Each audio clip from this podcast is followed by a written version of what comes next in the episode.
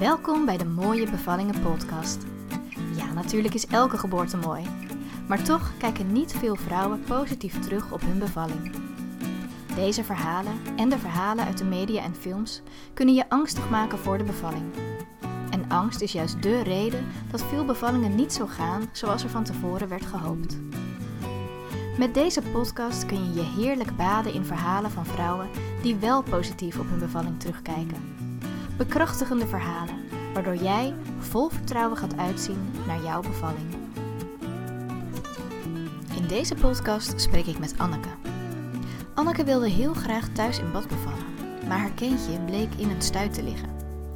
Voor Anneke betekende dat dat ze vrienden moest worden met het ziekenhuis. Ze voelde zoveel weerstand op het ziekenhuis dat ze wist dat ze met die weerstand aan de slag moest. Dit innerlijk werk zorgde er uiteindelijk voor dat ze een heel lief bevalteam om zich heen had verzameld, die enorm goed rekening hielden met haar wensen. Een mooi verhaal over de kracht vinden in jezelf, dansen met de weeën en balanceren tussen spanning en overgave. Welkom bij een nieuwe aflevering van de Mooie Bevallingen podcast. En vandaag interview ik Anneke. Ze heeft een heel bijzonder verhaal wat ze graag eh, met iedereen wil delen. Dus zou je jezelf eens willen voorstellen wie je bent, wat je doet, hoeveelste kindje je hebt gekregen en dan ook, ja, wat is nou jouw uh, beeld van de bevalling? Hoe heb je dat ervaren? Hmm, ja, nou, mijn naam is Anneke en um, uh, wat ik doe is uh, zelf geef ik yogales en ben ik ademcoach en um, geef ik heel veel yogales aan kinderen ook. En daarin geef ik ook een kinderyoga teacher training. En uh, wat ik doe aan uh, ja, mensen die, die los bij mij komen, zeg maar, maar ook op scholen. Dus ik, geef ook, train ook veel met leerkrachten om meer, uh, meer bewustzijn zeg maar, in de klas te brengen. Dus in die zin ben ik altijd al veel met kinderen bezig geweest. Maar nu voor de eerste keer mijn, een eigen kindje gekregen, bijna twee jaar geleden. En ehm, ja, ik kijk op de bevalling kijk ik echt terug als een ja, we zeiden het net ook al even in het voorgesprek. Van ik kijk er echt op terug als een transformatie, als een, als een initiatie. En ik heb hem als een hele powerful, um, als heel powerful ervaren. Als heel bekrachtigend ook. Uh, waarin ik heel erg, heel erg in um, contact stond met mijn eigen intuïtie. Die was denk ik sterker dan ooit op dat moment. Dus um, ja, dat vond ik echt super mooi uh, om te voelen, om te ervaren. Ja, ik voelde me heel erg uh, krachtig. Dat is uh, ja. grappig. Ik heb vanmorgen ook een interview gehad en zij zei precies hetzelfde. Inderdaad, het, het contact met je intuïtie en, en het naar binnen keren, dat dat echt een hele ja, bijzondere ervaring was op dat moment. Ja. Ik denk dat dat ook wel eh, gewoon heel belangrijk is uh, tijdens zo'n geboorte om jezelf over te geven aan dat, aan dat gevoel. Ja, ja Zoiets dan bijdraagt aan, uh, aan, zo, aan een positieve ervaring. Ja, en daar volledig op te vertrouwen. Ik, ik, heb toen, ik heb nog nooit een ander moment gehad waarop ik zo volledig 100% op mijn intuïtie vertrouwde. Sowieso echt een thema in mijn leven. En ik ben na de bevalling trouwens ook uh, trainingen gaan geven op het gebied van intuïtie. Weer gekoppeld aan mijn yoga. Um, omdat ik, dat ik ja, door deze ervaring daar nog meer over geleerd heb. Ja. Wat mooi. Nou, daar wil ik straks wel wat meer over weten. Ja. Ik uh, begin met de eerste vraag echt over het stukje van de bevalling. Um, misschien even goed om te weten dat jouw kindje lag in een stuitligging. Ja. En met hoeveel weken ja, kwamen jullie daarachter? En, en uh, hoe was dat? Ja, dat was toch denk ik een beetje een soort van schakelen voor jou. Hoe heb je dat toen ervaren? Ja, klopt. Mijn kindje lag... Wanneer zijn we daarachter gekomen? Ik denk volgens mij, even teruggaan naar ongeveer rond de 30 weken. Ja, rond de 30 weken zijn we erachter gekomen dat hij in een stuit lag. En hij lag echt in een stuit zo met zijn beentjes zo woep, recht omhoog. Dus met zijn voetjes naast zijn hoofd. Um, ja, en het was inderdaad even schakelen voor mij, omdat ik had een zelfstandige verloskundige. Ehm, waarin, uh, ja, zij kwam ook bij mij thuis en zij werkte zoveel mogelijk uh, via de natuur, natuurlijke wijze, zeg maar. Um, dus weinig te maken met, uh, ja, met bepaalde onderzoeken en zo. En, um, dus toen was het voor mij wel even schakelen, omdat als je kindje dus een stuit ligt, dan word je dus eigenlijk automatisch in Nederland overgedragen aan het ziekenhuis. Dus zij moest mij overdragen aan het ziekenhuis, waarin je dan zeg maar een medisch geval bent. En dat was voor, dat was voor mij wel even schakelen, omdat ik gewoon zo'n uh, heerlijke, serene thuisbevalling uh, voor ogen had. Uh, ja, en het was voor mij ook wel extra schakelen, omdat toen ik dus overgedragen werd door haar aan het ziekenhuis, toen kwam mijn eigen geboorteverhaal ook wel heel erg bij mijzelf omhoog.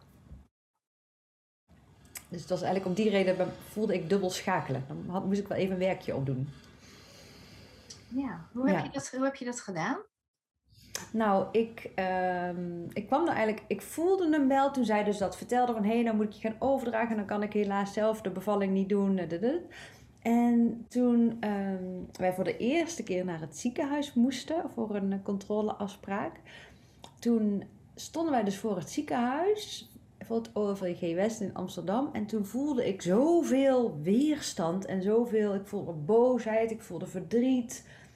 Uh, allerlei dingen kwamen omhoog terwijl ik zeg maar gewoon naar een controle ging. En toen dacht ik, oh ja, hier is wel, hier is wat, hier speelt wat. Toen ben ik daar wat dieper in mezelf gaan kijken en toen kwam ik erachter van, hé, hey, dit is mijn eigen geboortestuk wat ik dus nu voel. Waar ik nog, ja, misschien ook eigenlijk onbewust een onverwerkt stukje had zitten. Omdat ik zelf in het ziekenhuis geboren ben met een keizersnee. Omdat ik dus dwars lag bij mijn moeder. En um, als ik nu achteraf invoel, misschien wel te weinig tijd heb gekregen om nog te draaien. Uh, waardoor ik met een keizersnee geboren ben. Maar ook in, in dat proces toen na de keizersnede, wat nu weet, nu weet ik dat dat heel anders gaat. Hè. Er wordt een kindje na een keizersnede ook meteen op de borst gelegd. Maar ik werd eigenlijk meteen weggenomen in een couveuse. En ik ging pas volgens mij 24 uur later naar mijn moeder toe. Als babytje, als net geboren babytje. En ik denk dat dat stuk, wat gewoon in je cellen zit opgeslagen, eh, helemaal naar boven kwam. Dus ik voelde dat ik echt vrienden moest maken met het ziekenhuis. Ik, ik voelde heel veel weerstand. Ehm, maar ik realiseerde me op dat moment ook van... hé, hey, oké, dit is nu het geval. Het is belangrijk dat ik vrede sluit met dat stuk. En ook, ja, ik, ik voelde echt als, als vrienden maken met het ziekenhuis. Want hier moet ik het wel gaan doen. En met de mensen die er werken moet ik het gaan doen. En op deze plek Ehm, dus ja, dan, dan daar maar beter uh, ja, aan gaan staan. Ik voelde dat dat nodig was om een positieve ervaring te hebben. En daar heb ik ook wel hulp bij gezocht. Ik heb gewerkt met een, een, een, ehm, ja, met een, een energetisch, energetisch coach eigenlijk, waar ik al een keer eerder mee had gewerkt tijdens de uh, zwangerschap. En zij heeft mij echt begeleid in ja, teruggaan naar dat stuk van mezelf. Daar vrede mee sluiten, dat nog meer accepteren hoe dat is gegaan. Volgens mij lag het hem echt in de acceptatie van mijn eigen ervaring. Um, ja, en daar ook wel wat heling op, op brengen, zodat dat stuk zachter mag, mag worden. Um, ja, waardoor ik ook dus die zachtheid in mezelf kon ervaren en ook weer naar het ziekenhuis toe kon voelen. Dat dat dus ook gewoon, ja, dat dat een plek is waar ze je goed kunnen helpen maar waar ik denk ik als zelf net geboren babytje dus een wat negatievere ervaring heb ervaren of zo. Ja.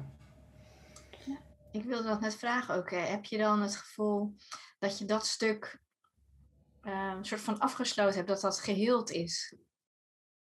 Ja, het voelt heel erg zo. Ik voelde ook, en dat, is al, dat was al gebeurd voor de bevalling, voelde ik op een gegeven moment, ja, het is helemaal oké. Ik heb het helemaal geaccepteerd.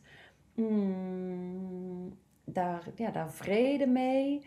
Uh, um, waardoor ik, en doordat ik, ik denk doordat ik het volledig had geaccepteerd, um, kon ik ook zeg maar de ervaring die ik ging hebben volledig accepteren, hoe, hoe die dan ook zou gaan lopen. Of het een keizersnee zou worden, of dat ik wel een ingreep, of ja, omdat, omdat ik dus, dus, dus vrienden had gemaakt met, met die plek. Zo voelt dat. Ja. ja. Ik wel mooi hoe je dat zegt. Want ik, denk dat ik precies hetzelfde zou hebben als wat jij dan voelde in eerste instantie. Hè? Dus heel veel weerstand. En uh, uh, ik had dat zelf ook van, ik wil absoluut niet naar het ziekenhuis, dat gevoel. Ja. ja. Maar goed hoe je dat hebt aangepakt. Ja, dat voelde ook heel, heel um, ja, voor, voor mij persoonlijk als heel logisch. Van, oké, dit komt op, hier moet ik iets mee. Um, ja, en ik, ik ben zo iemand die dat dan dus ook inderdaad meteen doet. Dus er is bijna geen andere manier dan, dan dat zo te doen. Ja. Ja. En de dag van uh, de geboorte, met hoeveel weken is dat begonnen en uh, hoe merkte je dat dat begon?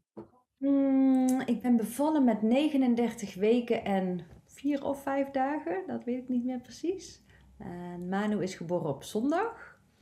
En op zaterdagochtend, toen werd ik wakker s ochtends en toen voelde ik, ik dacht ik, hmm, plas ik nou? Of zijn dit de vliezen die breken? En toen was ik nog in mijn hoofd, oh ja, volgens mij kan ik gewoon net mijn plas niet meer ophouden. Maar ergens stiekem wist ik ook al wel, hmm, volgens mij is dit geen plas. Maar het had nog, dat zou nog kunnen, zeg maar. En toen, dat was op, dat was op zaterdag en het was die, hele hete zomer, twee jaar geleden.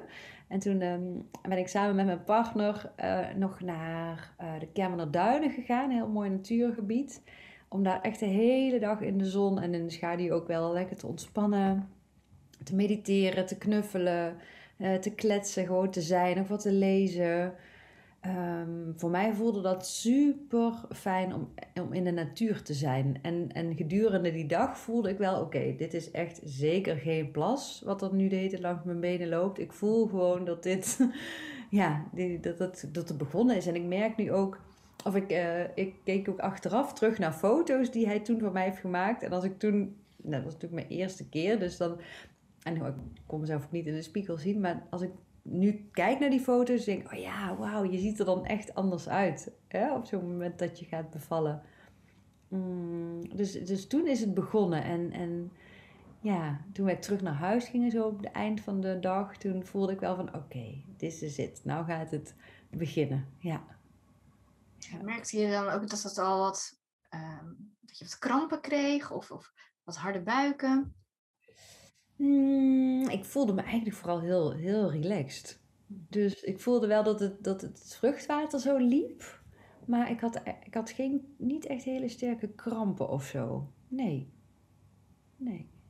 Hoe is die nacht gegaan die daarop volgde? Ja, die nacht. Wij kwamen toen thuis. Oh ja, en toen kregen we dus ook nog een lekker band op de weg naar uh, huis. Dat was ook wel grappig. Dus, oh ja, oké. Okay. Maar toen was ook, dat was eigenlijk gebeurde dat ook op een heel mooi moment. Dat, dat Cliff, mijn vriend, eigenlijk een beetje in paniek raakte. Zo van, oké, wat moeten we doen? Toen, hij ging al bijna die, zelf die band verwisselen, terwijl de ANWB echt wel sneller zou zijn. En toen kon ik echt tegen hem zeggen, oké, luister, ik weet precies ik, ik, voel precies wat er aan het gebeuren is. Dus je hoeft alleen maar op mij te vertrouwen, vertrouwen nu. Alles is oké. Ik voelde gewoon, weet je, dit is helemaal oké. Het gaat nu, het gaat niet super snel. Het is gewoon een fase. We gaan lekker naar huis. Ik voelde die, die tijd en die ruimte. En um, toen moesten wij, toen kwamen we thuis. En toen kwam ik wel al lekker in die, ja, hoe noem je dat, die bevallings flow, rouge. Ik voelde me heel ontspannen worden. Ik dacht, oh lekker muziekje aan, kaarsjes aan. Ik had heel veel behoefte om nog iets te gaan schrijven. Ik voelde me eigenlijk heel erg geïnspireerd. Um, maar toen moesten we, oh ja, toen volgens het protocol van het ziekenhuis, waar we natuurlijk een aantal keer op uh, controle waren geweest, moet je dan bellen. Maar ik, wil, ik voelde dus van, ah, ik wil eigenlijk nog helemaal niet bellen. Ik wil gewoon lekker alleen thuis in deze bubbel zijn waar ik nu zo in aan het zakken ben. En dan zien we morgen wel. Mm, maar ja, ik voelde ook wel die afspraak, zeg maar, die er, die er is gemaakt. Van, hé, hey, als dit en dit gebeurt, moet je bellen. Um, en toen um, heb ik mijn eh, verloskundige gebeld, waar ik eigenlijk, die ik eigenlijk zeg maar had, die niet van het ziekenhuis. Uh, even met haar overlegd en dat was ook heel fijn dat dat kon, omdat ik natuurlijk een langste periode met haar onderweg ben geweest. En in het ziekenhuis had ik toch bij elke afspraak een andere uh, verloskundige of gynaecoloog voor me zitten. Het was heel fijn om even met haar te overleggen.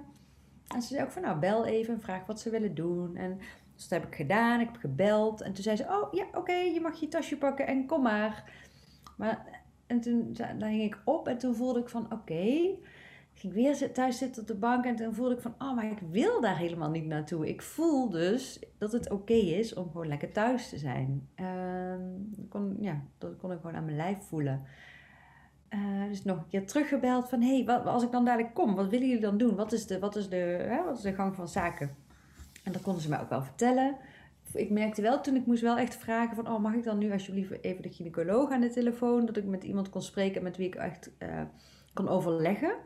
En een afspraak kon maken. Want ze zei, ja, normaal gesproken blijf je dan in het ziekenhuis. Dan kom je en dan uh, doen we de checks. En dan, dan mag je gewoon hier een nachtje ter observatie blijven.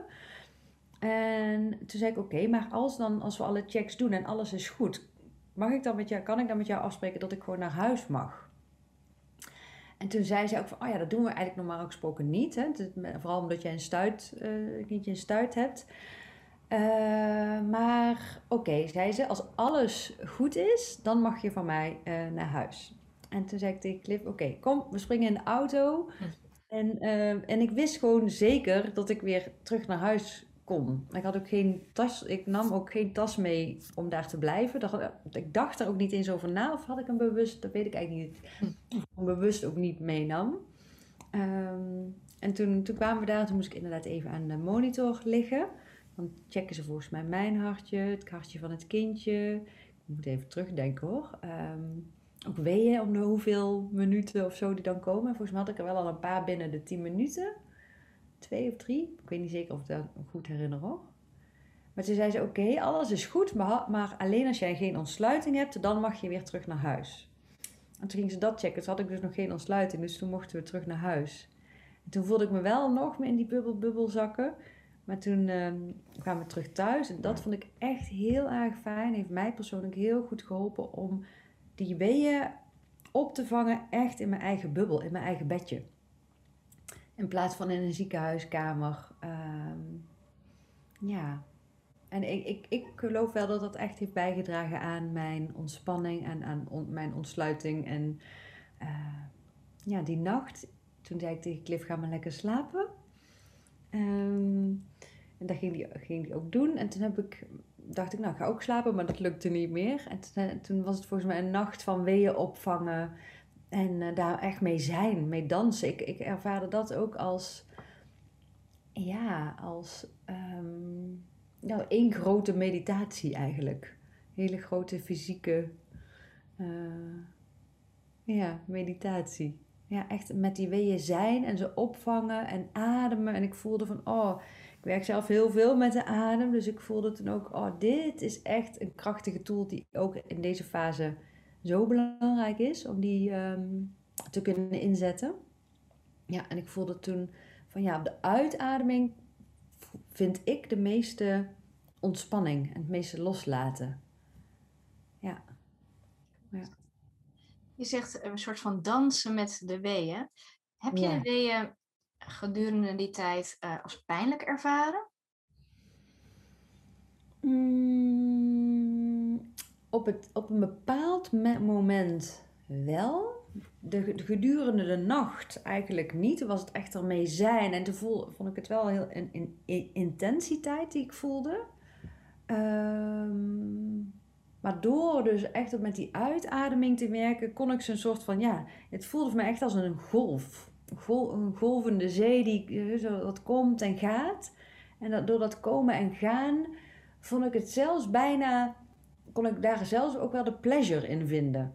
Gewoon in, om, ja, dat ik het ja, echt lekker is misschien ook weer niet het hele goede, ja. Maar daar, daar kon ik ook wel weer naartoe, af en toe naartoe bewegen. Maar zo in de ochtend, rond een uur of tien, weet ik nog wel dat ik wel dacht, oeh, deze, dit is wel, oeh, dit is best intens. Ja, en toen, toen ja, voelde ik wel wat pijn. En toen gingen mijn gedachten ook zelfs af en toe uit naar pijnmedicatie. Terwijl ik van tevoren besloten had, dat wil ik zeker niet. Maar ik voelde, ik had elke keer zo'n gedachtenstroompje die dan, hmm, wat hebben ze ook alweer als pijnmedicatie in het ziekenhuis? Welke zou ik dan kiezen als ik die wel zou kiezen? En ik voelde zo dat dat een beetje zo in mijn hoofd rondging. En eh, ja. Dus, dus, dus omdat dat, die gedachten in mijn hoofd rondgingen, kan ik weet nog wel van, oh ja, dat was wel een vorm van pijn. Ja. Maar ja, kan, zou je het fijne pijn kunnen noemen? Ja, ik weet niet of dat zo, ja. Maar ook wel met de gedachte van, je weet waarom het zo intens voelt. En dat dat dan oké is of zo. Hoe heb jij de weeën opgevangen? Ben je steeds van houding gaan wisselen? Eh, naast je ademhaling dan? Of heb je juist veel in één houding gezeten? Ja, die hele nacht heb ik op mijn zij gelegen. Dat weet ik nog. Want ik dacht van tevoren, oh, ik ben vast iemand die helemaal gaat lopen, bewegen in huis en heel veel gaat bewegen, omdat ik een heel bewegelijk type ben. Maar ik heb op, in één houding op mijn zij gelegen. Ook niet iets wat ik van tevoren bedacht had, maar ja. En gedurende de ochtend, toen je merkt van, oh, nu wordt het ineens wat, uh, wat heftiger, heb je toen nog andere houdingen aangenomen? Nee, helemaal niet. Ik ben echt in één houding blijven liggen. Dat vond ik zelfs nog opvallend van mezelf. Ja. Grappig. En normaal, ja. Uh, ja, zo zie je dat, dat probeer ik ook altijd wel aan de vrouwen uit te leggen, die bij mij bijvoorbeeld op cursus komen. Ik besteed nooit heel veel aandacht aan verschillende baringshoudingen. Je hebt natuurlijk cursussen waarin je echt in die houdingen gaat zitten en dan ga je ademen en dan um, kunnen vrouwen bedenken van nou, dit lijkt me wel fijn, maar ik weet dat op het moment zelf dat je iets heel anders kan voelen dan wat je van tevoren had bedacht. Hmm. Dus dan zeg ik altijd, ja, nou, ik laat gewoon een lijstje zien met wat voor houdingen ze kunnen aannemen. En dan zeg ik, ja, maar weet je, je kan nu wel bedenken wat je fijn vindt, maar op het moment zelf uh, kun je, zie je toch wel wat je dan, wat je dan gaat doen, even wat je, wat je kiest. Ja. Ja, voor jou werkte het dus uh, ja, op je zij, wat je misschien niet verwacht had. Klopt. Op een gegeven moment ben je natuurlijk naar het ziekenhuis gegaan. Mm Hoe laat was dat ongeveer? Nou, wij zouden ons moeten melden om twee uur. En dat is ook wel grappig eigenlijk, want toen ik hoorde van, oh je mag nu naar huis die nacht, zaterdag op zondag. En je hoeft je volgende dag pas om twee uur te melden. Was voor mij ook wel een soort van confirmatie. Oh, als ik me pas om twee uur de volgende dag hoef te melden nou, dan, snap, dan is het helemaal oké dat ik nu naar huis ga. Ook al snap ik ook wel die nacht observatie. Ik snap het ook wel, hè, waarom ze dat in het ziekenhuis graag willen. Natuurlijk, zij willen natuurlijk kijken of alles goed gaat vanuit de beste intenties. Um, maar wij zouden ons om twee uur moeten melden. Maar ik voelde toen rond een uur of tien, dacht ik, poeh, poeh. En zo, zo heb ik eigenlijk van, van tien tot half twaalf of zo heb ik... Uh, gedacht, oh, zo, hmm, kreeg ik echt het gevoel van ik wil eigenlijk nu wel gaan. En mijn schoonzus die ons zou brengen, want nu of één zou ze eigenlijk bij ons zijn, die belde op een gegeven moment en zij zei, dat vond ik ook zo leuk, ik heb het gevoel dat we nu moeten gaan, klopt dat? En toen zei ik, ja, klopt. Ik dacht, ik lag er echt net aan te denken dat ik nu wilde gaan. Dus dat vond ik ook zo mooi. En toen kwam zij ons ophalen en toen zijn we, waren om twaalf uur in het ziekenhuis. Ja, twaalf uur s middags. Werd je daar natuurlijk gelijk weer even onderzocht. Wat, uh, ja, was er toen al wat ontsluiting ontstaan? Ja, toen kwamen wij daar uh, nou, in die kamer. En het is wel grappig, want ik wilde per se het, de kamer met het bad. Dus we hadden van tevoren ook gedacht, oh, we gaan echt hopen, weet je, dat die, dat die kamer vrij is. En toen kwamen we daar en Cliff, die ging meteen dat ook, ja, we willen heel graag de kamer met het bad als die vrij is. En die was vrij, dus daar mochten we ook naartoe. Nu heb ik dat bad dus niet aangeraakt. Dus, dus ook weer zo grappig. Want ik dacht echt, oh yes, ik wil een bad. En nou, ik heb dus heel de bevalling niet aan dat bad gedacht.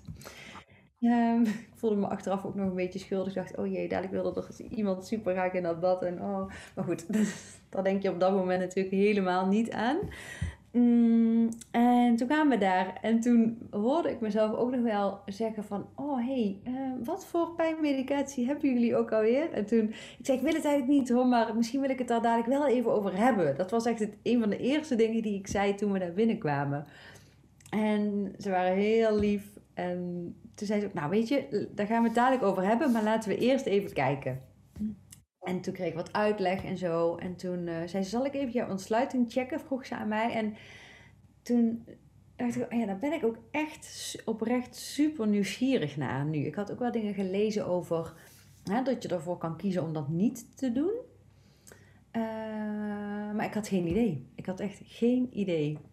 Nee, daarin zei mijn intuïtie echt helemaal niks. Ik dacht of het is al wel wat, of het is nog niks. Ik, I don't know. Of ik, ik kon nog niet, ik wist ook niet of dit wat ik nu erva toen ervaarde, of dat ook al super intens was. Dat, omdat het de eerste keer was. En toen keek ze en zei ze, nou, ja, je hebt gewoon al 10 centimeter ontsluiting, dus ja, hij kan gewoon komen. En toen zat ik echt nog met mijn kleren aan gewoon op dat bedje, zeg maar. En, uh, dus dat was een leuke verrassing. En ergens voelde toen, toen dacht ik ook van, ah, oh, wauw, is dit het? Een beetje zo, omdat ik ook dacht oh, misschien is het pas het begin. Dus, en, daardoor voelde ik me eigenlijk ook heel um, ja, bekrachtigd. Zo van, oh, als ik dit al tot zover heb gebracht, dan, oh, oh ja, dan, uh, dan gaat het wel lukken. Dus ik voelde heel veel vertrouwen. Dat punt wat je dan beschrijft um, toen je nog thuis was van hmm, wat zou er voor pijnstilling zijn? Mhm. Ehm, dat is vaak dan toch die transitiefase. Ja. Dus zo'n moment dat, je, dat er ineens zo'n omslag plaatsvindt en dat je het toch wat moeilijker vindt om de weeën ja, op te vangen. En dat je inderdaad, heel veel vrouwen roepen dan, uh, ik kan niet meer of ik wil pijnstilling. Um, en dan zie je vaak toch dat, hè, dat je dan waarschijnlijk zo rond die 8 centimeter hebt gezeten op dat moment. Ja. En daarna naar het ziekenhuis bent gegaan en daarom met 10 uh, aankwam. Ja. Dus dat het lichaam toch, um, ja, ik zie dat wel als een patroon steeds terugkomen in de verhalen. Ja. Hmm. Oh ja, mooi. Ja, want dat zeiden de, de, de verloskundige, volgens mij zat ik toen met de verloskundige van het ziekenhuis en de verpleegkundige. Dus zij zeiden ook van, ah ja, nou snappen we wel waarom ze, ik hoorde ze zo zeggen, oh ja, ik snap wel waarom ze net dan, want het is die laatste paar centimeter of ja. zo. Ja. ja, en ik kan me ook nog wel herinneren die rit van de, in de auto naar het ziekenhuis, dus helemaal niet lang vanuit ons. Maar toen was ik echt in een bubbel. Al heb ik ook niet meer gesproken, zeg maar de trap aflopend. Ook toen, ja, echt helemaal in, in een bubbel. Ja, een bijzondere bubbel is dat. Nou, ja. Hoe voelde jij je tijdens de weeën? Mm, heel vrouwelijk. Ik voelde me hm. echt super vrouwelijk. Ja, ik voelde me echt op en top vrouw. Dat is iets wel waar jij volgens mij ehm, daarvoor ook al wel mee bezig bent, toch? Met het, het thema vrouwelijkheid. Ja, ja, klopt. Ja, in mijn, in mijn persoonlijke leven uh, ben ik er inderdaad zeker mee bezig. Ook in mijn professionele leven. En werk ik ook met vrouwen en dan op het gebied van lichaamscoaching. Ja, een stukje vrouwelijkheid, mannelijke vrouwelijke energie in jezelf. Uh, um, ja, ja, klopt. Vrouwelijkheid, ja. Heel mooi gezegd uh, vind ik dat. En ik merk, ja, wat jij vertelt is dat je in principe dus heel goed in gevoel, ja, in contact was met je lichaam. Mhm. En um, ja, inderdaad op het stukje transitiefase dat je, er, dat, dat je er soms heel eventjes uitging. Dat je dan weer een beetje wat meer in je hoofd gaat uh, zitten, maar dat wel weer mooi kon terugpakken. Ja, ja, want inderdaad, die fase, hè, van dat je er af en toe uitschiet, hè, dat is die bubbel inderdaad die, waarin je in bent. Dat je er af en toe door of een, inderdaad hè, een, een, een intense lichamelijke ervaring even uitschiet, of dat er een onzekerheid uh, opkomt. Dat, ik had ook af en toe in die ziekenhuiskamer, want daar ben ik nog best wel een aantal uren geweest voordat de echte bevalling zeg maar uh, begon. Heb ik ook echt echt wel momentjes gehad dat ik eruit schoot en dat er dan een onzekerheid uh, in kwam. Van, oh, kan ik dit, oh, kan ik dit wel? Oh, kan het niet? Of hè, die, die, ja, toch een, een, een klein ehm, gevoel of gedachte van angst. Maar om daar dan ook meteen weer uit te stappen. Dus, hè, dus ik voel, ik hoorde dan of ik voelde in mijn lijf zo'n zo'n angst dat er wat uitging uit die bubbel. En dan met, meteen realiseren van oké, dit is dus mijn angst. Dit is een angst. En dat zien en dan niet meegaan in, in, die, in dat, denk, ja, die denk, dat denkpatroon, zeg maar. Uh, om, die dus, om daar dus bewust van te zijn, oké, dit is hem. En ik stap er weer uit. Ik ga weer terug naar vertrouwen naar mijn adem. Um, ja, voor mij hielp die adem dan echt terug naar mijn adem. En door met die adem te werken weer voem in dat lijf te komen. Dus ook weer in die basis en in dat vertrouwen te zakken. Ja, maar ik, ik, ik heb hem wel ervaren als dat je een beetje op zo'n koord loopt, als zo'n koordanser. En dan dat je af en toe woep, naar die kant kan gaan en dan gewoon weer voor kan kiezen om naar de kant van het vertrouwen te gaan. Maar die, daar loop je wel op, ja. ja. Tenminste, ik. Nou, ik denk wel veel vrouwen. En Ehm, ik vind dan ook het stukje mindset echt altijd wel heel belangrijk om dat een beetje te gaan trainen ook uh, in de zwangerschap al. Want niet iedereen heeft dat natuurlijk. Dat, dat ja, toch een beetje dat je wat bewuster daarmee omgaat.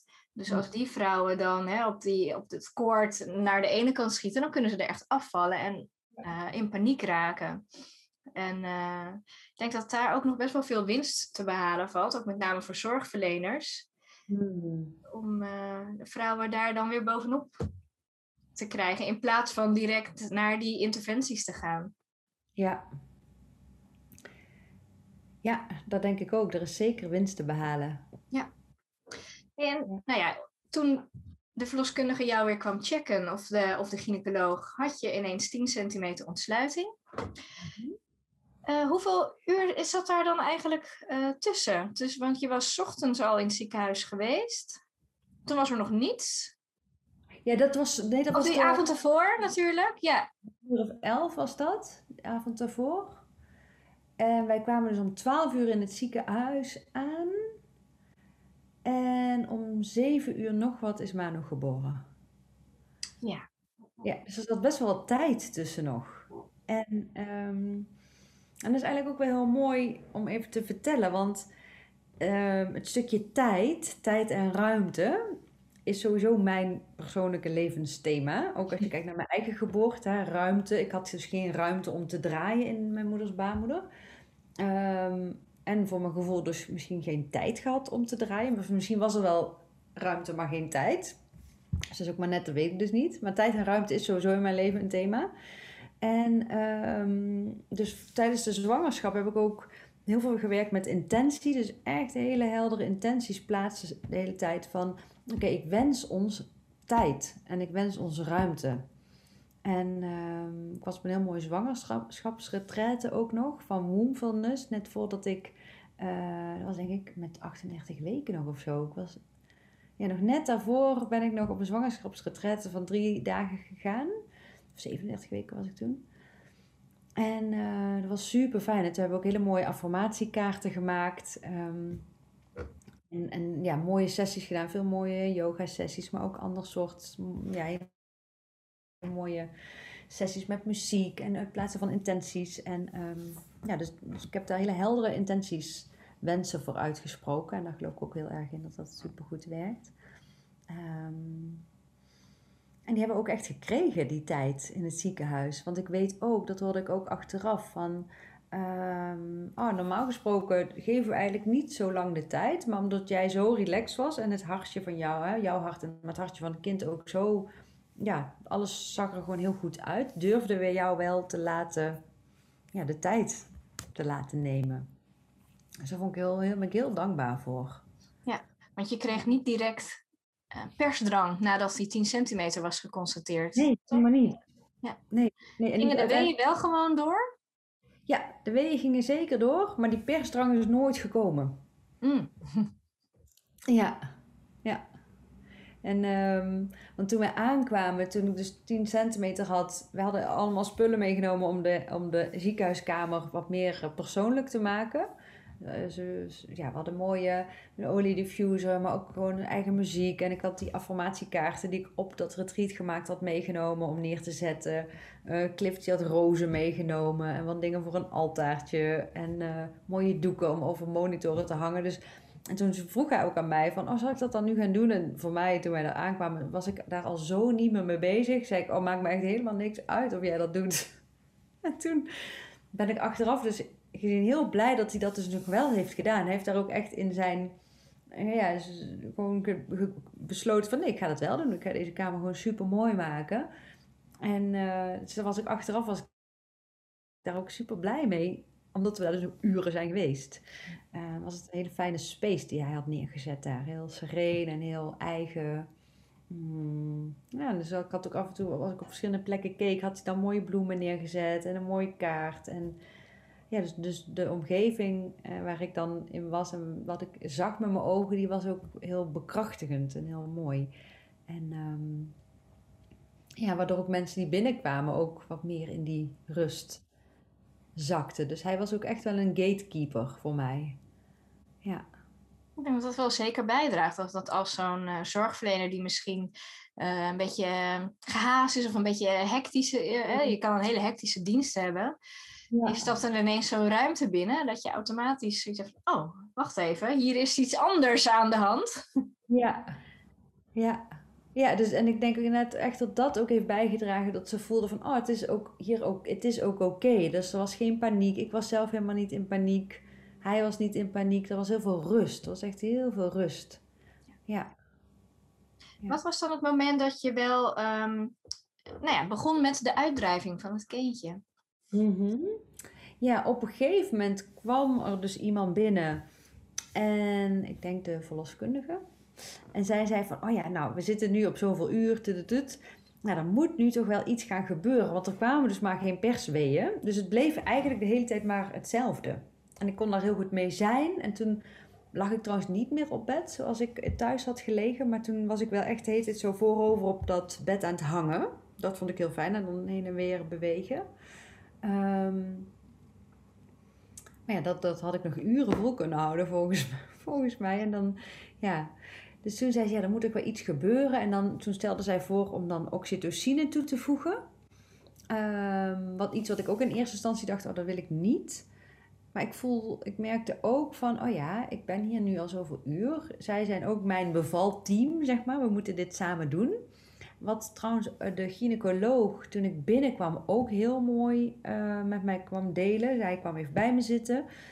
En uh, kennis maken en, en ook even zeggen van... hey, nou, dit, dit is ons, uh, hoe we werken, wat jullie hebben opgeschreven. Want we hadden wel een bevalwens papiertje bij ons, zeg maar. Waar, Cliff ook heel erg zijn best voor deed dat iedereen dat las. En hij zei, ja, eigenlijk alles wat jullie hebben opgeschreven is voor ons helemaal niet raar, zeg maar. Dat is eigenlijk de gewone, hè, dat is helemaal, helemaal oké. En uh, we kunnen heel erg meegaan in jullie wensen.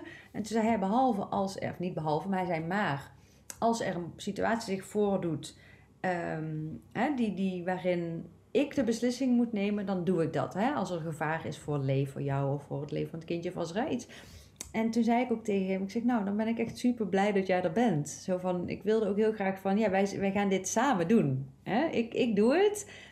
Uh, maar als, er iets, als het nodig is, ben ik super dankbaar dat ik hier ben en dat jullie er zijn. Um, ja, en daarom voelde ik ook van, oh, dat het komt ook voor een gedeelte door het werk wat ik daarop heb gedaan. Dat ik eerst die weerstand tegen dat ziekenhuis had. Um, maar ze waren echt engelen. Het was zo'n fijn team. Iedereen die, die bij een kamer binnenkwam lopen. Echt super fijne mensen. Uh, heel professioneel en heel lief, liefdevol. En toen, uh, even kijken, wat was jouw vraag nou ook alweer? Mijn vraag was... Oh ja, ik weet het weer. De, de oxytocine. En toen stelde ze voor van oxytocine. En toen dacht ik, oh ja, mm, wil ik eigenlijk niet. Maar goed, we, we zullen het ook eh, samen moeten gaan werken. En dit zijn uh, zijn hun tools die zij kunnen inzetten om mij te helpen. Hè. Ik heb mijn eigen tools. Adem, beweging, mijn mindset, uh, mijn muziekjes en mijn olie, lekker. En, maar dit zijn de tools van het ziekenhuis. Dus laten we samenwerken. Want ik voelde ook echt van, oké, samenwerking is belangrijk. En toen heb ik wel gezegd, oké, maar ik wil eerst, ik wil wel, ik voelde ook van, ik mag hier wel de regie nemen. Um, van ja, fijn dat zij dat willen geven, maar, maar ik ben nog steeds zelf in charge, zeg maar. Um, en toen zei ik, oké, maar ik wil wel minder, minder milliliter, of hoe zei dat, hoeveel, hoeveel je dat dan ook toegediend krijgt. En met meer tijd ertussen. Dus niet om de 10 minuten. Ik wil gewoon eerst voelen hoe mijn lijf hierop reageert. En dan kan ik, uh, ja, dan kunnen we kijken hoe, hè, hoe we dat op kunnen hopen, hogen. En daar stemden ze mee in. Dus dat was heel fijn. Toen kon ik, ik voelde het inderdaad wel. En ik wilde, ik, ik wilde ook mijn lijf eraan laten wennen. Dat voelde als, als oké. Ik wilde niet dat er dan... Ik hoorde, heb ook wel verhalen gehoord of gelezen... dat het dan boem, ineens zo super snel gaat... en dat je dan die controle verliest. In hoeverre er überhaupt eigenlijk controle is. Maar uh, is er denk ik helemaal niet. Uh, maar dat het te behappen blijft... en dus dat, dat, dat kreeg ik ook dus de tijd en de ruimte in. Dat was heel fijn. En, eh, en op een gegeven moment kwamen we ook wel op een punt dat ze zeiden: Oké, het is wel hè, volgens ons nu goed om het iets te gaan verhogen. En, en ik heb toen ook wel met mijn lijf de afspraak gemaakt van: Oké, we gaan dit nu nemen. We, gaan er, we gaan het nemen en gebruiken wat we nodig hebben. En wat we niet ervan nodig hebben, gaat, verdwijnt ook gewoon weer. En uh, let's use it. So. En, uh, en toen hebben ze het op een gegeven moment stap voor stapje verhoogd. En ik voelde die intensiteit ook wel. En toen, maar toen gebeurde er eigenlijk nog steeds niet wat, uh, ja, wat er dan zou moeten gebeuren aan, aan, in de vorm van persweeën. En toen kwamen we op zo'n punt, zeiden ze, zeiden ze van ja, wij denken hè, alles gecheckt het gewoon wel kan nu, maar dan moet je gewoon op de gewone weeën uh, gaan persen. Want hij kan er gewoon nu uit. Alles gecheckt, hij is ready to. En toen, uh, ja, toen zeiden ze van oh, ga nog maar een keer plassen. Want dan heeft de baby ook meer ruimte als de blaas helemaal leeg is. En toen ging ik naar de wc. Oh ja, hij was wel echt al helemaal gezakt. Dus want zijn balletjes, die uh, hingen er al een beetje uit. Dus dan kon ik dus nog naar het, kon ik naar het toilet. Toen was ik alleen over de wc. En toen voelde ik ook zo tussen mijn benen. En toen kon ik zo die balletjes voelen. En toen voelde ik ook, oké, let's do it. En toen heb ik ook een afspraakje met hem gemaakt. Ik kon sowieso trouwens tijdens die hele fase echt wel heel mooi contact maken. Met het kindje in mijn buik. En toen zei ik ook tegen hem, oké, ik ben er echt wel een beetje klaar mee hier in deze kamer. Ik heb zin om naar huis te gaan. En ze van, zullen we dit gaan we samen doen?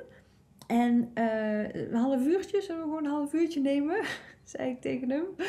En toen, toen wist ik ook van, oké, als ik nu uit deze deur stap van een toilet, dan gaat het een soort van beginnen. En, uh, of beginnen, het was natuurlijk al lang begonnen, maar dat laatste stuk. En uh, dus toen kwam ik daaruit en ging ik dus weer woem in die bubbel. Net alsof je een soort van in verschillende bubbels of zo stapt. En toen kon ik op dat bed klimmen, op mijn handen en knieën ging ik zitten. Dat had ik eigenlijk van tevoren niet besproken of zo mensen, maar dat, dat deed ik dan dus gewoon. Op handen en knieën. En uh, toen stond er iemand naast mij, de verpleegkundige. En zij ging mij wel helpen, want, want omdat ik dus op de gewone weeën moest gaan persen. En uh, ja, die, uh, dat vond ik wel ergens ook wel. Ja, ik wist natuurlijk ook niet hoe, een perswee zou voelen. En toen ben ik dat maar gewoon gaan doen. Ja. Met Gewoon het wee duwen op een als je een wee had. Ja. Ja. Ja. En dat, dat vlotte toen uiteindelijk wel. Dus er was wel gelijk resultaat zien. Ja, dus dat werkte. Ja. hoe lang heeft dat geduurd voordat hij toen uiteindelijk geboren is? Hoe heb je het ervaren? Um, ik had totaal geen besef van tijd. Maar achteraf weet ik dat het, nog, dat het binnen de drie kwartier was. Mhm. Dus zeg maar, we hebben, daarna zaten ook de grappen, want ik kom zelf uit Brabant. Zo van een Brabants kwartiertje, zeg maar, is een soort uitdrukking. Dus ik zei een half uurtje, maar toen was het toch drie kwartier. en uh, ja, drie kwartier ongeveer. Ja. Nou, dat is ook gewoon heel erg mooi voor een eerste kindje. Ja. Ja. ja.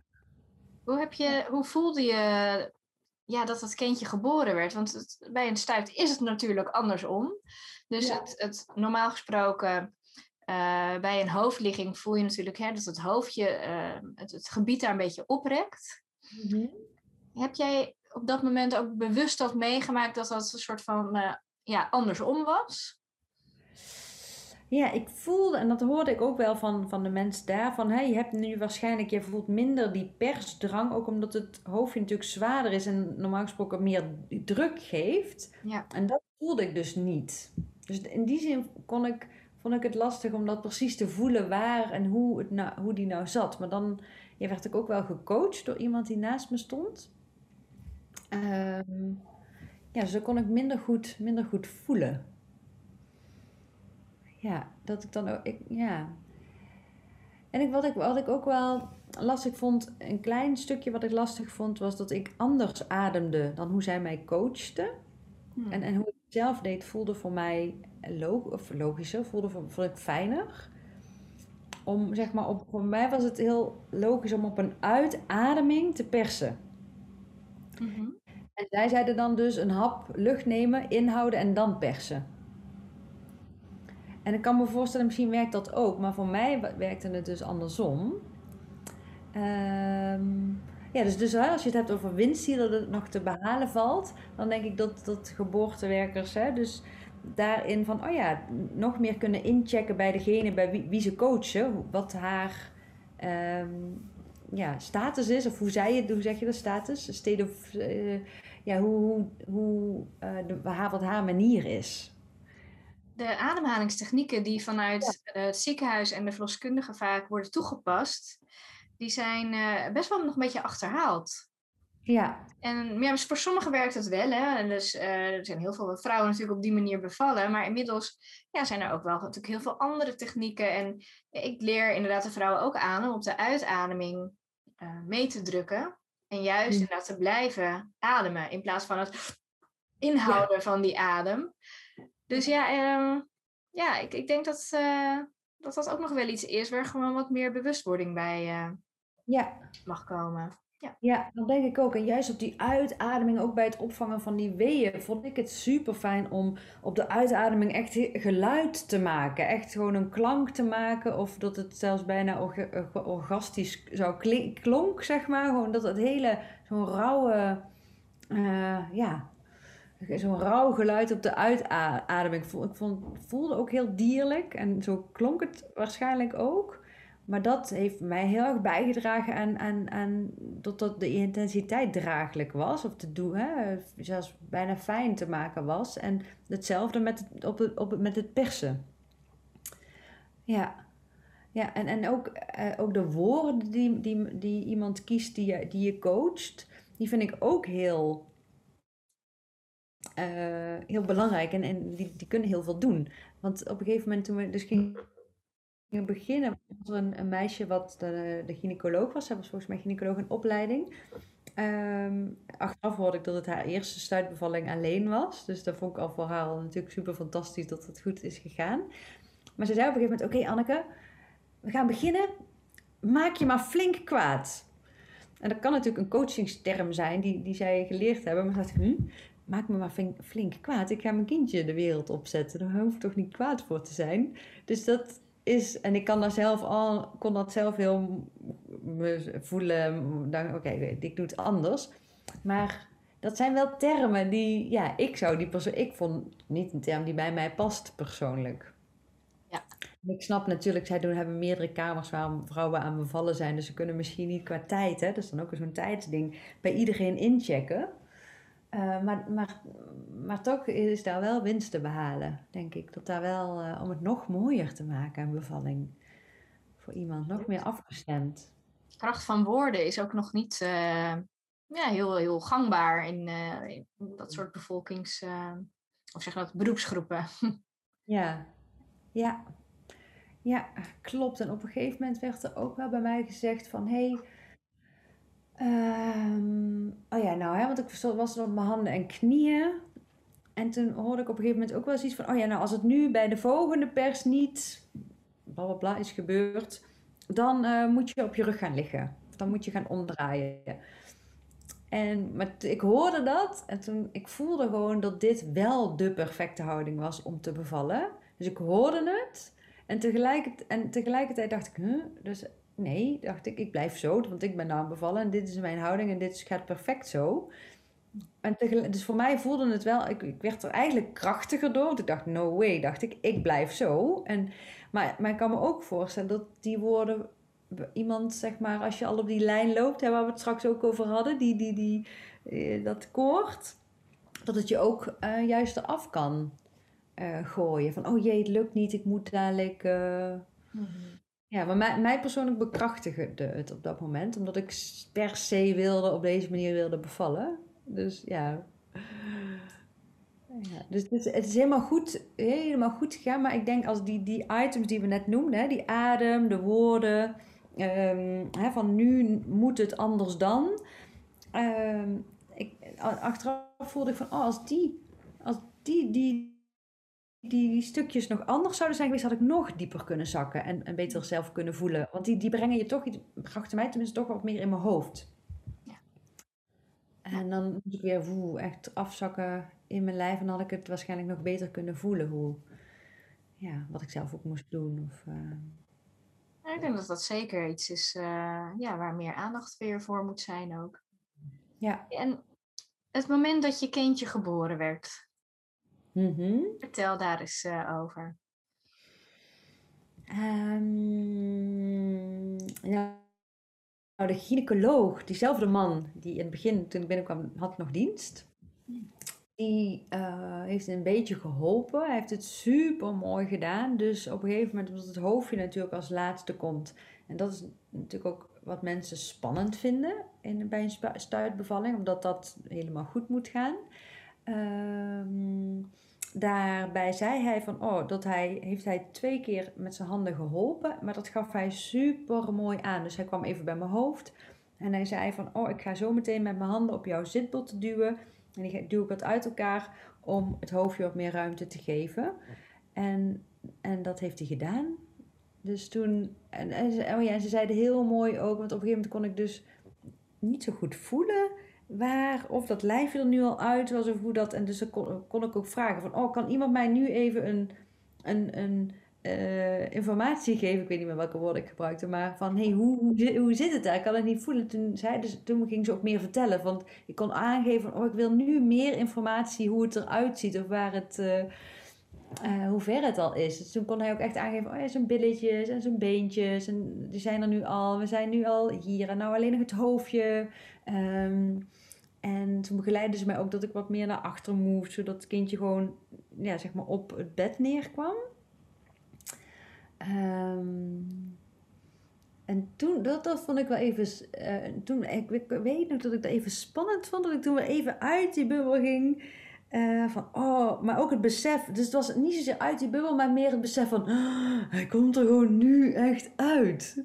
En dat hij toen echt het laatste gedeelte hielp hij nog eventjes zo met zijn... Ja, ik heb ook alles gezien, want ze hebben de bevalling gefilmd. Hmm. Dus, dus achteraf weet ik dus precies hoe het eruit heeft gezien. Hij heeft even nog met zijn vinger, ik weet niet welke vinger, het hoofdje laatste, het laatste stukje meegeholpen. En toen zei ze ook van, oh ja, kom maar kijk maar tussen je benen en ga maar naar achter. Toen hielpen ze mij ook, omdat ik toen ook wel voelde van, oh, die super eh, persfase, zodat je dan een beetje trillerig bent.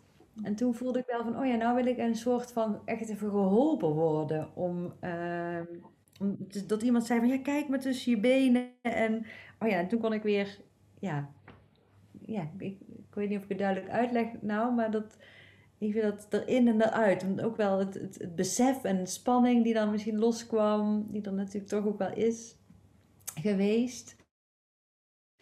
Uh, ja, en dat je het gevoel van, oh ja, dat het dus gelukt was. Het was ook eigenlijk een, als ik achteraf terugkijk, terugdenk, dan een soort van heel um, natuurlijk euforisch. En aan de andere kant, het klinkt misschien stom om te zeggen, maar ook zo normaal. Zo van, oh ja, ja een kindje, oh ja, daar is hij. Dat het heel bijzonder is en tegelijkertijd zo natuurlijk, normaal en tegelijkertijd zo bijzonder. Ja. Ik denk ook wel begrijp wat je bedoelt. Ook omdat het eigenlijk gelijk... Uh, ja, je kent dat kindje gewoon gelijk. Ja. Van die hoort bij jou. En dat, uh, ja, nou ja, dat is... Ja, alsof het, ja. als het geweest is, dat gevoel een ja. beetje. Ja, dat is zo, zo bijzonder. En ik keek, ik keek naar en dacht, oh, ben jij het? Oh, oké, ja, oké. ja, nou, natuurlijk ben jij het. Dat wist ik toch al. En... Uh, ja, heel veel her, zo'n zo'n herkenning. Zo van, oh ja, echt herkenning. Ja. ja. ja. En daarna ben je, heb je het kindje bij je gepakt? Ja, toen heeft hij gewoon lekker bij gaan liggen op mijn borst. Ja, hij ging eigenlijk vrij snel meteen drinken. Hij ging meteen naar de borst. Ja. Die hebben gewoon goed even de tijd gekregen om met elkaar eh, te wennen en te binden. Ja, ja, ja, dat is heel mooi. Dan, dan zit je eigenlijk, want iemand anders is dan bij, hè, een beetje bij je benen en alles aan het schoonmaken, maar daar ben je, dat voel je ergens wel, maar ergens ben je daar ook totaal niet. Dan ben je een soort van, omdat, hè, maar er lag zo hier op mijn borst en dan, dan ben je eigenlijk een soort van hier aanwezig en dan zie je wel dat iemand uh, de boel aan het schoonmaken is, maar daar ben je dan totaal niet, tenminste ik was daar totaal niet mee bezig. En uh, geen idee ook hoeveel mensen er toen in de kamer waren. Of echt, dan zit je echt, hey, ik zat helemaal in de bubbel. met hem. En, en ja, ja, en dat de zintuigen, de geur. Ik, ik, herinner me ook nog inderdaad echt geur en hoe dat dan voelde. En mhm. ja, dat, ja. Dat kan ik mezelf ook nog heel goed herinneren. Ehm, gewoon, het, het, zit bijna als een soort geheugen in je vingers, hoe dat kindje voelde, de, die eerste aanrakingen. En soms mis ik dat dan ook echt nog. Van, dat, is, dat, dat gevoel, dat is zo fijn of zo bijzonder. Ehm, ja, dat, daar heb je zo'n soort van heimwee naar. Ja, ja, ja, zo klein. Ja. Ja. ja. En um, de placenta, hoe is dat uiteindelijk geboren? Oh ja, ja, die komt dan natuurlijk ook nog, ja. Dus, um, hoe is die geboren? Even denken. Toen, uh, oh ja, dan lig je, toen lagen we gewoon zo lekker. En toen moest, of moest, toen moest, ging dat nog gebeuren. En ik had ook wel aangegeven van, oh, ik zou het ook wel fijn vinden om daar dus ook, waar heb je weer dat thema tijd voor te nemen. Uh, dus dat lieten ze ook even zo, zo gaan. Mm, maar ze stimuleerde ook wel om uh, wat oxytocine bij te nemen, zodat die placenta sneller uh, los zou laten. Dus dat stelde ze voor. En toen zei ik eigenlijk van, oh nou, laten we even wachten. Want ik wil eigenlijk wel heel graag gewoon ehm, ja, ook daar de tijd voor nemen. En dat op zo'n natuurlijke mogelijke manier laten gaan. Ehm, en, hoe noem je dat ook weer? De navelstreng is uitgeklopt en zo. Zo wachten ze ook wel even. Um, maar toen zei ze, ja, ja, hij is nu wel uitgeklopt, zei ze. Ik weet, ik weet niet meer precies hoeveel tijd dat dus heeft gezeten, niet zo heel lang. Maar ik voelde ook aan haar dat de rek eruit was. Ik weet niet hoe ik dat moet zeggen. Maar ja, dat voelde ik. Ik voelde van, het is gewoon, de, rek is eruit. Ik, heb, ik denk dat ik, dat ik haar, dat meisje wat mij bevalling begeleidde, dat haar comfortzone ook wel was bereikt, denk ik. Dat ook al alles goed was gegaan, maar dat het gewoon... En toen heb ik daar ook mee ingestemd. En ik had ook heel veel zin dat het, dat, dat het gewoon klaar, dat dat stuk klaar was, zeg maar. Ik wilde, ik wilde daar, ik wilde uit dat stuk van het ziekenhuis. Ik voelde, ik wil gewoon nou zo snel mogelijk lekker naar huis. En het, gewoon in die bubbel gaan. En, uh, en dat was oké. En toen kwam het. Toen kwam die er ook heel makkelijk uit. Ja.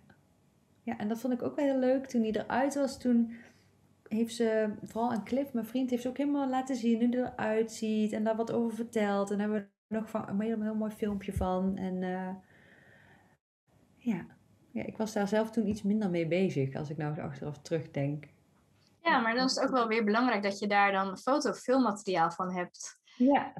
Dat adviseer ik ook wel altijd, hè, om in ieder geval um, wat foto's te maken, soms ook te filmen van het hele proces, omdat dat achteraf ja, ook best wel heel helend kan werken, omdat je dat moment toch in een soort roes eigenlijk beleeft. Ja, ja klopt. En we hebben hem ook mee naar huis genomen.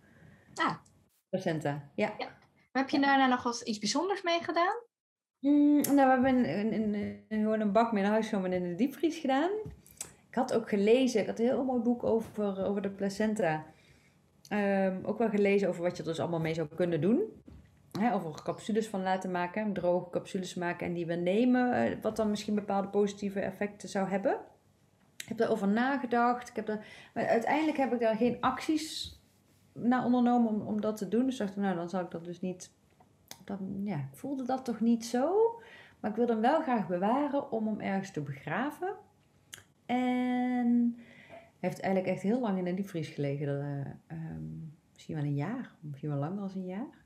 En uiteindelijk heb ik ervoor gekozen, of hebben we ervoor gekozen om, want um, Cliff, de vader van Manu, die is hier is in Amsterdam opgegroeid. Hier is hij ook geboren. En toen hebben we uiteindelijk de placenta uh, in Brabant ergens begraven. Ik dacht, oh, dan vind ik leuk om die connectie dan, omdat ik, omdat ik daar geboren ben, om daar zo toch die connectie mee te maken. Om op, voor mij, op een voor mij bijzondere plek in Brabant te uh, begraven. Dus dat hebben we, hebben we met z'n tweeën een keer gedaan. Ja, bijna een jaar Ja, of meer dan een jaar later. Ja. Ja, toevallig in het vorige interview ook over gehad. En die hebben het ook begraven. Uh, maar dat is toch iets wat je nog niet heel veel hoort. Hè? Dat er iets met de placenta gedaan wordt. Wel steeds dat er wat meer bewustzijn er is. Uh, dat, je, dat we er iets mee kunnen. Ja. Mooi om te horen. Dat, ehm, ja. En dat echt ook als een ritueel. Voor mij, ik, ik hou heel erg van rituelen. Om, om op een bepaalde manier stil te staan bij dingen van het leven. En um, ja, om die placenta dan ook daar dus over na te denken van hé, hey, wat doen we daarmee? Dat dat dus inderdaad zo'n belangrijk onderdeel is geweest van een nieuw leven maken. Of hè, zonder lukt het niet. En om die dan ook, um, ja, dan met een mooi, mooi ritueel ergens mee naartoe te nemen. En een ja, soort van terug te geven aan de aarde. Dat hè, alles is, is, ja, stroomt zo door. En, en ja, het voelde voor mij heel mooi om te doen. Om het terug te geven. Ja, absoluut. Ja. Um, je hebt verteld net dat je naar een speciaal uh, retreat bent geweest. Heb je ook mm -hmm. nog op een andere manier voorbereid op de bevalling? Ja, uh, dat retreat was super fijn om, om drie dagen met andere zwangere vrouwen te zijn. Uh, en ik heb ook, ik was heel erg aan het denken van, oh, hoe, op wat voor manier wil ik me nou voorbereiden? En toen was ik een keer op een verjaardag en toen hoorde ik iemand iets zeggen over een haptonoom. Dat zij begeleid waren door een haptonoom. op, ja, ter voorbereiding op de bevalling en ook wel de, de zwangerschap op een zo fijn, optimaal mogelijke manier laten verlopen. En toen ik dat hoorde, voelde ik echt zo'n, oh ja. En het bleef, bleef maar terugkomen. Dus op een gegeven moment heb ik wat opgezocht op internet. En toen heb ik iemand gevonden, een haptonome die gespecialiseerd is in het begeleiden van zwangeren. Van zwangeren. En wat ik zo fijn vond, en ook van tevoren had gehoord, was dat zij... Um, ik weet niet of zij, ja, nee, dat volgens mij is een haptonoom die zich daarin specialiseert, uh, doen ze dat altijd zo. Dat is heel mooi de drie-eenheid nemen. Dus vader, moeder, kindje. En dat, ik voelde zo sterk van dat ik daar Cliff heel erg bij wilde betrekken. Om, om echt naar elke sessie met z'n drieën te gaan. Um, ja, tweeën, drieën. Um, dat de vader daar op een hele mooie manier bij betrokken wordt. En, en het ging natuurlijk over hè, zwangerschap, de bevalling, hè, daarop voorbereiden. Maar er kwamen ook andere dingen aan bod. Er kwamen ook dingen aan bod zoals um, ja, dat eigenlijk wat dingen over zijn jeugd, over mijn jeugd. Uh, bepaalde patronen die wij met ons meedragen, die kwamen in die sessies nou heel mooi naar boven. Uh, waardoor we dus ook daarin ons eigen innerlijk werk hebben kunnen doen. Uh, ja, wat echt wel heeft bijgedragen aan, aan, aan de bevalling, maar ook hoe wij nu ouders zijn bepaalde inzichten die we daar hebben gehad. Ja, om even een voorbeeld te geven, bijvoorbeeld over mezelf. Um, dat we op een gegeven moment een oefening hadden. Dat is zo mooi, hè, met lichamelijke oefeningen. Um, dat ik ook op Cliff's schoot moest gaan zitten. En dat ze ook aan mij vroeg: Hey Anneke, kan jij je wel echt laten dragen? En toen was het onderwerp hoe ik mijn kindje draag. Hè, dus hoe ik mijn lijf houd. Dus zij hielp mij met hoe ik mijn lijf het beste kon ja, verhouden, houden.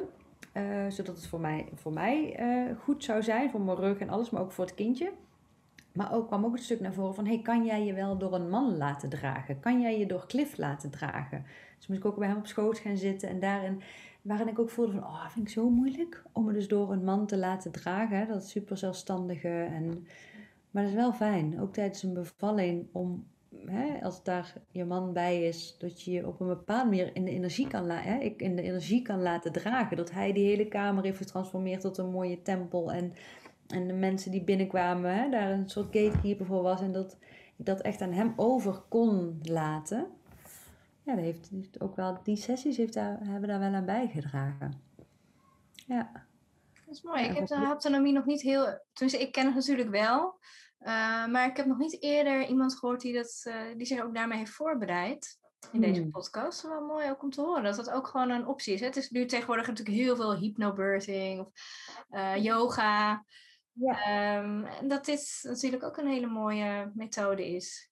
Ja, zeker. En ook voor, wat, omdat dus de man daar zo mooi bij betrokken wordt, de vader. Uh, bijvoorbeeld voor hem was een, een heel mooi punt dat hij door van haar ook echt heeft geleerd om contact te maken met het kindje terwijl het nog in de buik zit. Dus hoe raak je die buik dan aan? Uh, hoe, hoe kan je dat op een bepaalde manier doen? En, en dat je dus eigenlijk niet zo heel veel hoeft te doen als je hand erop te leggen en het kindje naar jou toe te laten komen. Dat even een, een, een simpel voorbeeldje. Um, ja, en dat, dat ze heel duidelijk uitlegt hoe een bevalling in zijn werk gaat. En, en Cliff zei ook van, ik had echt geen idee. Weet je, ook gewoon wat er fysiek gebeurt. En ja, ja, en ik heb zelf ook wel heel veel yoga gedaan. Uh, gewoon tijdens de bevalling, of tijdens de zwangerschap bedoel ik. En uh, ja, veel yoga, ademen, mediteren, visualiseren. Oh ja, ik denk als je hebt over de voorbereiding, dan denk ik dat visualisatie, waar ik sowieso in mijn werk ook heel veel mee werk, in de intuïtietrainingen. Maar dat visualisatie voor mij misschien ook wel een van de krachtigste tools is. Ja, dus ik heb de bevalling heel vaak gevisualiseerd. Ja, hoe dat dan zou gaan. Heeft dat uiteindelijk ook bijgedragen? Ja. Ja. Ja, dat geloof ik wel. Ja, ik heb dat zo, zelf ook hoor. Ik heb dat ook zo ervaren. Uh, eigenlijk heb ik dat al 13 eh, jaar geleden, of bijna 14 jaar geleden, toen, uh, toen ik zwanger was van mijn eerste kindje, ben ik daar al mee begonnen. Ja. Ja, en toen kwam ik voor het eerst in aanraking met The Secret. Dat was een beetje de eerste stap richting visualiseren. Hè. En toen voor was dat natuurlijk allemaal een beetje zweverig en alles. Mhm. En ik, volgens mij heeft The Secret dat toen wel, is er heel veel aandacht voor geweest. Ja.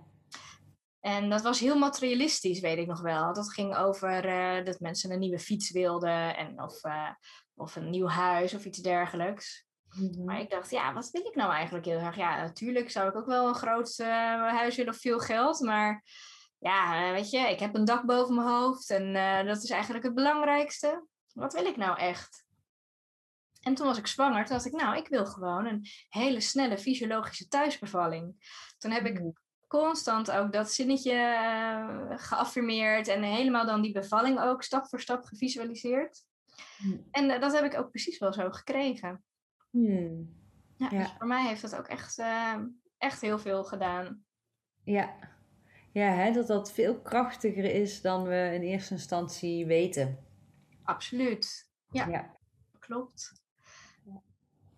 Um, is er nog iets rondom de geboorte of misschien rondom je werk, wat je zegt van nou dat uh, wil ik graag nog vertellen, dat, ben ik nog vergeten? Mm. Ja, wat ik mm, heb ervaren en ook echt wil uitdragen en daar zoveel mogelijk andere mensen mee in contact wil brengen, is um, de, de ja, de, de, de pracht en de kracht van, van onze eigen intuïtie en daarop te durven leren en durven vertrouwen. Ja, dat, dat de mind kan het zo makkelijk overnemen. Uh, maar het is fantastisch mooi dat hij er is, die mooie mind. Maar dat hij in heel veel gevallen, dat hij dan ook wel een stapje terug mag doen. Mhm. En uh, ja, dat dat vertrouwen op je gevoel, op je intuïtie, je meer ehm, laat leiden. En dat je daardoor je leven zo kan vormgeven hoe jij het wil. En dat, dat is iets wat ik dus inderdaad, dat, waar mijn bevalling in, voor mijn persoonlijke leven echt weer meer heeft aan bijgedragen. Dat ik dat nu zelf nog meer kan leven en het ook nog meer kan doorgeven. Mm Of andere mensen in kan begeleiden, helpen.